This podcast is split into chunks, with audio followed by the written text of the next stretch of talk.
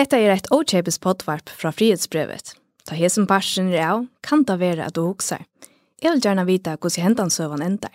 Ja, så måste du være haldare av frihetsbrevet, og ta vera jo av frihetsbrevet.fo. Han var en knytnæve fuld kraft i baghovedet på mig. Jeg var blevet slået så hårdt, at jeg var begyndt at bløde ud af hovedet. Hever du fyllt vel vi og i danskon milon senast og årene, så hever du hørt søvnar om harskap, happing og det som verdier av danskon kostskolen. Min aller første tanke det er, fedt at der er nogen, der tør at sige fra og sige noget. Herlufsholms hemmeligheder. Vold øh, er fuldstændig uacceptabel adfærd og er bortvisningsgrund. For mig der, der er det vigtigste ligesom, at, at, at skolen forstår, at de har gjort noget galt. Flere av dødjengar om flere imiskar skolar, enn ta at vi finnes av kostskolan Herlufsholm, her som de kongalige bøtnene genga. Eller rettare, Jinko. Tui ui kjallavørnum av avdugjengunum hevur danska kronprinsa Perre tidja synebøten urfuina kostnåla. Mobning og vold er aldrig acceptabel og kan aldrig retfærdiggøres. Men hvorfor sender de så ikke deres børn på en anden skole? At Halfam blev op til Maryfondens kodex. Gåar 200 kilometrar fra tog fyna skolan on vid Taimon Nekvo harskapsmalen on finna vid en annan skola. En skola her som ikke kongalet baden er ein skola her flere føresk bøten er sendt opp av landsens råkning. Mildt sagt benka meg av. Jeg kan ikke gjerne, jeg kan ikke råpa. Her er ønsken at råpa etter. Krøst opp mot en vetsje. Jeg sparska og røyt og slien og spytte etter. Tu lortar etter fyrsta parste og i podvarsrøyene kostskola bøtnene. Hvad der overgik jer, vil vi aldrig glemme. Hvad der overgik jer, skal aldrig gentage sig. 11. september 2023. Norrlandahuset er karmor om en ombering fra danska staten. På vegne af den danske stat, på vegne af den danske regering, undskyld. Omberingen kommer fra Pernille Rosenkrantz-Teil, danska socialministeren, og hon er til her føringar som var sendt er til Danmarskar av mittlen Anna Rødbygård Stånen, her folk vi menningartarne og øron avbjøvingon var sendt fyrirtøyene fra 1933 til 1904. Og i 1933 var Jakob sendt til Danmarskar av Rødbygård. Der spurgte vi på nye om jeg var fulgt etter jeg var sjukken. Nekra vikur åren hentan allmänna funden og i Norrlandhusen er i EU i Danmark. Fordi jeg føler jo egentlig, at jeg har prøvet sådan rent journalistisk at råbe op i mange år om forholdene på de her kostskoler. Og... Hesa rettena eier Christian Stemann, journalister og danske redaksjonene tja frihetsbrevet. Og senast som mannen her har vi arbeidt ved at hitja narre etter danskon kostskolen. Så har man jo sendt de her færøske børn øh, et virkelig, virkelig skidt sted hen Tui, vi finko tullja i 2023 illgrunna om at hovast det kan tidjast som en fjärr pastor av okkara søve, at vi senda nøkker folk i urførjon til Danmarskar av stån, ja så er det framvegis verleggen og nødkjare tui. Ta burde ikkje komme i overst an, ty det er ikkje fjallt som så, ta stendur i futjarlovene. Og i år er det tjej føringar av stående i Danmark, og i 2021 var det 8, og de hava lije her herom i flere herrans år. Det som tog er nøyt, og så allugavel ikkje, er at vi nøytast ikkje at færa heilt atter til halvfjersene, ta ui rødbegård enn vær ui velmaktene, for at finna rævelige sjøvor som minna om det her, som danske stater nu byr om ombering fire. Ta vid av føreskorredaksjonene fratte om hentan ljóta verileikan, ja, så stabla vi et samstarv på beinene vid danskorredaksjonene. Tui hæsson journalisteren du hørte i Janne er ein tarra som hever avduka rævulir hendingar av einon danskon kostskola, ta gjørte han ta han arbeidde av DR. Jeg, jeg tror man kan dele sådan kostskolebevidstheden hos danskerne op i sådan to dele. Altså vi har alle de klassiske kostskoler, altså sådan nogle som Herlufsholm, hvor det er meget, meget velhavende mennesker, øh, Sorø Akademi, hvor det er det bedre borgerskab. Og så har vi, vil jeg sige, resten. Altså det er typisk kostskoler, hvor typisk børn, som kommer fra en, en væsentlig lavere social klasse end på Sorø og Herlufsholm. Mm. Og det er tit børn, som enten er udsatte eller har det svært. Øh, så det er ligesom den opdeling, jeg vil lave, at der er nogen, hvor det er diplomatbørnene, vil jeg kalde det. Og de andre, det er de mere udsatte børn, som enten selv har nogle problemer, eller hvor deres familie har nogle problemer. Så bliver man sendt på kostskole, øh, hvis man ikke har et andet sted for eksempel at være, eller man har brug for at komme væk fra sin familie, eller noget i den stil? Ja, yeah, altså det, det er jo tit det, man vil kalde en frivillig anbringelse.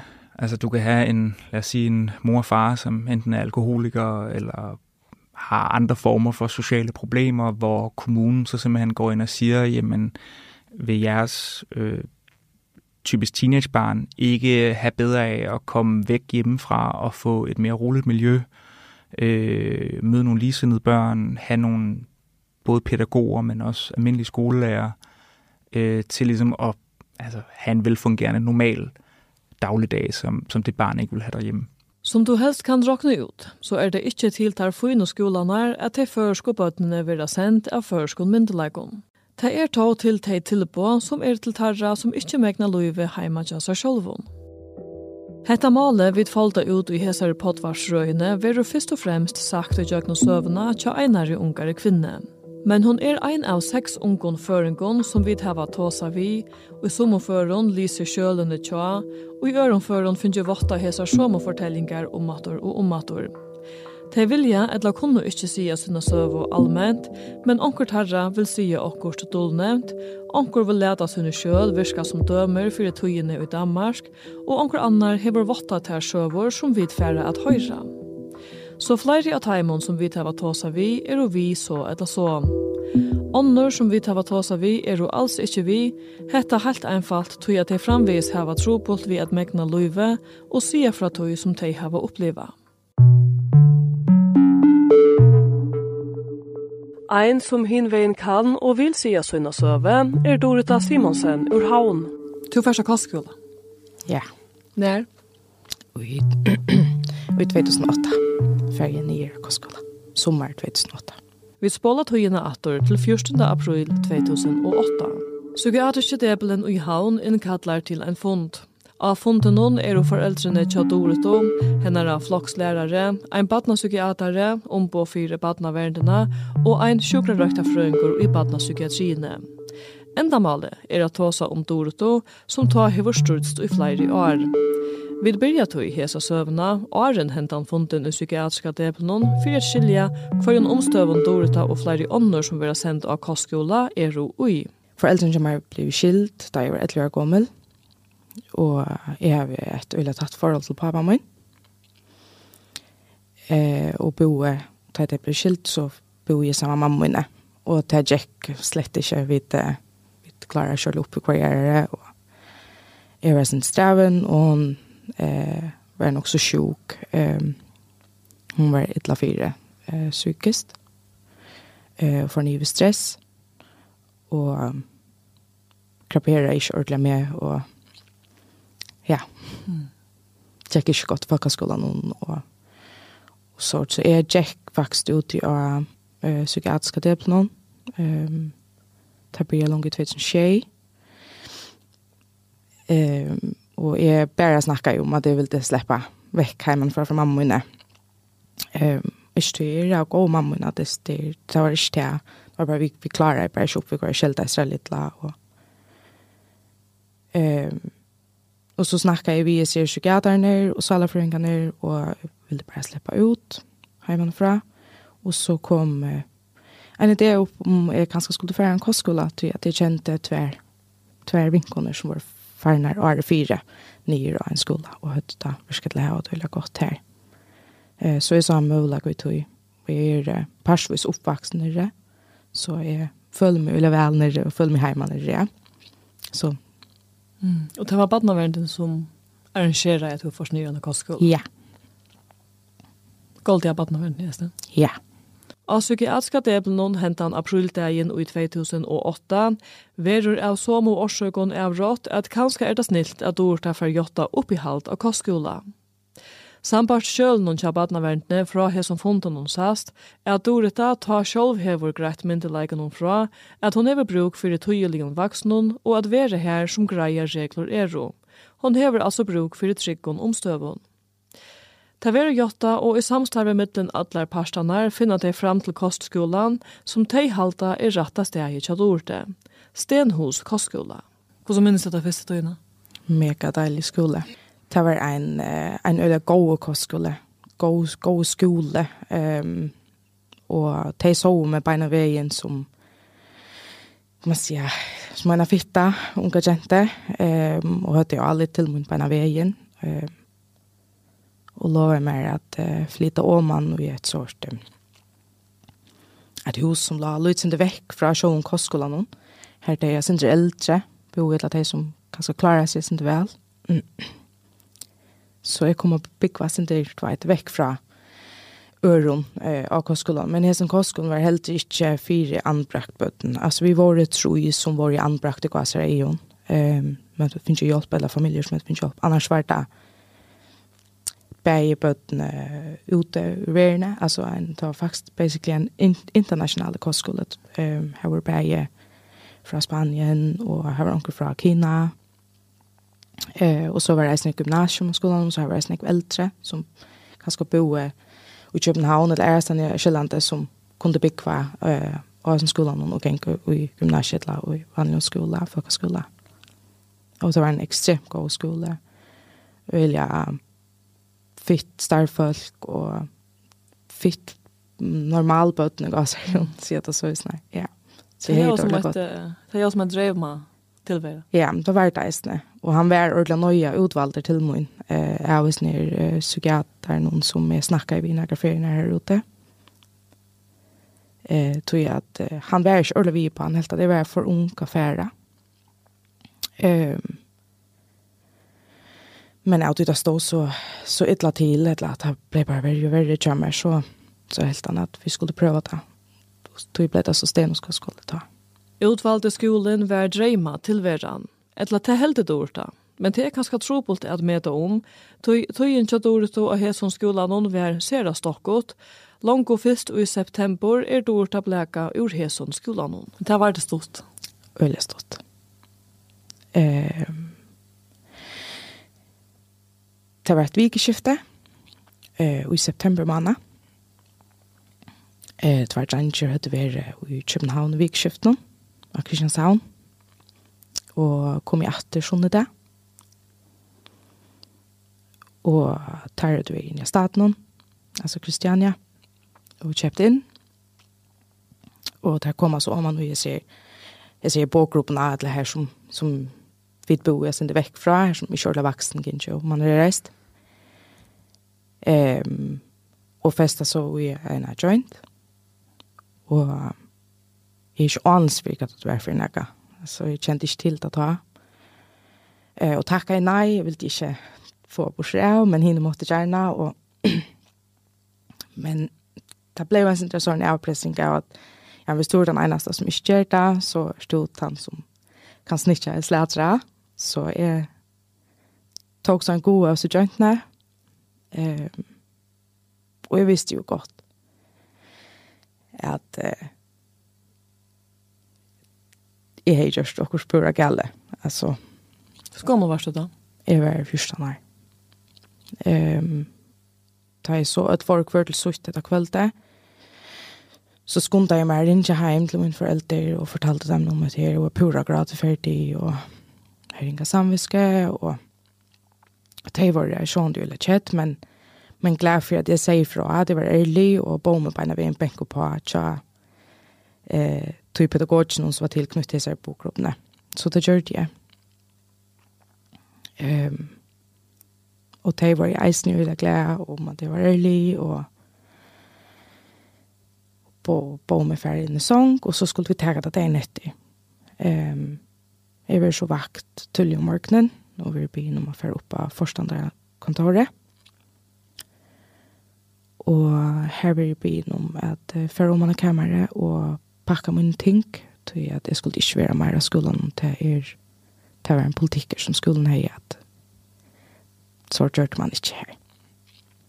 Så jeg er ferdig til um, om man har holdt på stasjon, sammen med en pedagogje, og vi ikke får vel, vi er av en rik riksetje og fer så i et bomletåk mot Valby til uh, til mot fer til Batchamun så var noe januar ta han bor i Herleven kollegium pura ovitande om hva nu skulle hända med mer är hej faktiskt räknar vi att det är för att komma hem att det ehm men så blev det inte Om på fyrir Stenhus Kostskola skriver ta til førsko badnaverndene om hesa støvene, og til skjæle finner vi i journalen og tjadurto. De sier at Dorita etter eina viko av skolan hon visste månande bedre at bor, fra at hava virka hør og provokerande, gjørdest hon åpen, pliktoppfyllande og så framvegis. Og tei harmast om at hon ikkje kan halda fram vi gjeldig og menneskene, årsaker av hesar i hendingene, som tei ikkje meta er at tegjen om misnusle, men eina einstega hending som hon ikkje atlar at endetega. Men det gjør hon kan mån, ty einafer er einafer og negv. Dorita endar tog i beinavegin av en øron skola. Kostskolan hon i Sønderjylande. Og her viser allar fyrste dæveren hva sted Dorita nu er enda ui. Ja, så kommer det en annan kostskola. Ja, det ganger så lykka kyrstande her. Her um, er byggvinn, kjøpatja min noen, og røyne samskifta vi badna og i havn. Ja Og det gjør det veldig greit for meg på en veien at jeg slipper ikke hjem, og at det som jeg har gjort av skolen, det er jo konsekvenser. Um, og vi slutter å finne noe til skolen. Uh, og pappa min vil så sendt nye til Danmark at jeg har ikke noe til skolen sammen med meg. Ja, vi vet ikke tverskoler, og jeg velger så til neste, uh, som heter Kostskolen i Sønderjylland. Det var veldig spennende. Jeg er sånn aldri nere, men man har vi på noe ting, og og jeg var i førjon, og jeg det var superspennende, og og beina veien, ta i veien er nekka tøymer, Um, så var det akkurat som sånn kapping om hver skulle snakke vi med, og og jeg færre så på her er flere bågrupper, fem bågrupper, um, her da bygg var eh, tølv bøttene hver bågrupper minnes med rett. Eh, og jeg færre så ut i ene bakgrunnen som er bakgruppe OTA, og skal bo i et sånt her jente som ikke vil ha noe interesse for meg. Og da jeg kom ned igjen og jeg så bakgruppen at han standa trutje jenter klarer at eh, mildt sagt benka meg av. Vi var crushed opp mot en vetsje, vi anlitt noen fyrst, og så var jeg sparska, og røyt og slien og spurt etter, eh, om att jag ska hålla mig väck från trenchen och jag ska inte mig för välkomna. Så då blir jag på vegen. vägen. Det var första dagen? Det var första dagen, ja. Du hever lusta etter fyrsta parste av potvarsfrøyene kostskola bøtnene. Og i næsta parste kava vi nyer ui enn myska tilvære mittlen ung som ønsken hørte ta i det råpte om hjelp det er nogle pænt opsigtsvækkende tal, vi har fået. Øh, der kan vi se, at der fra 2009 til dags dato, altså 2023, der har der været 161 politianmeldelser eller retsjære, altså besøg fra politiet på den her skole. Vi har som første parste her var vi hørt brot fra Dansk og Miljøen TV2 og Danmarks Radio, og vi har hørt brot fra DG og Vike og sendingene Tjætje tja kringvarspenån.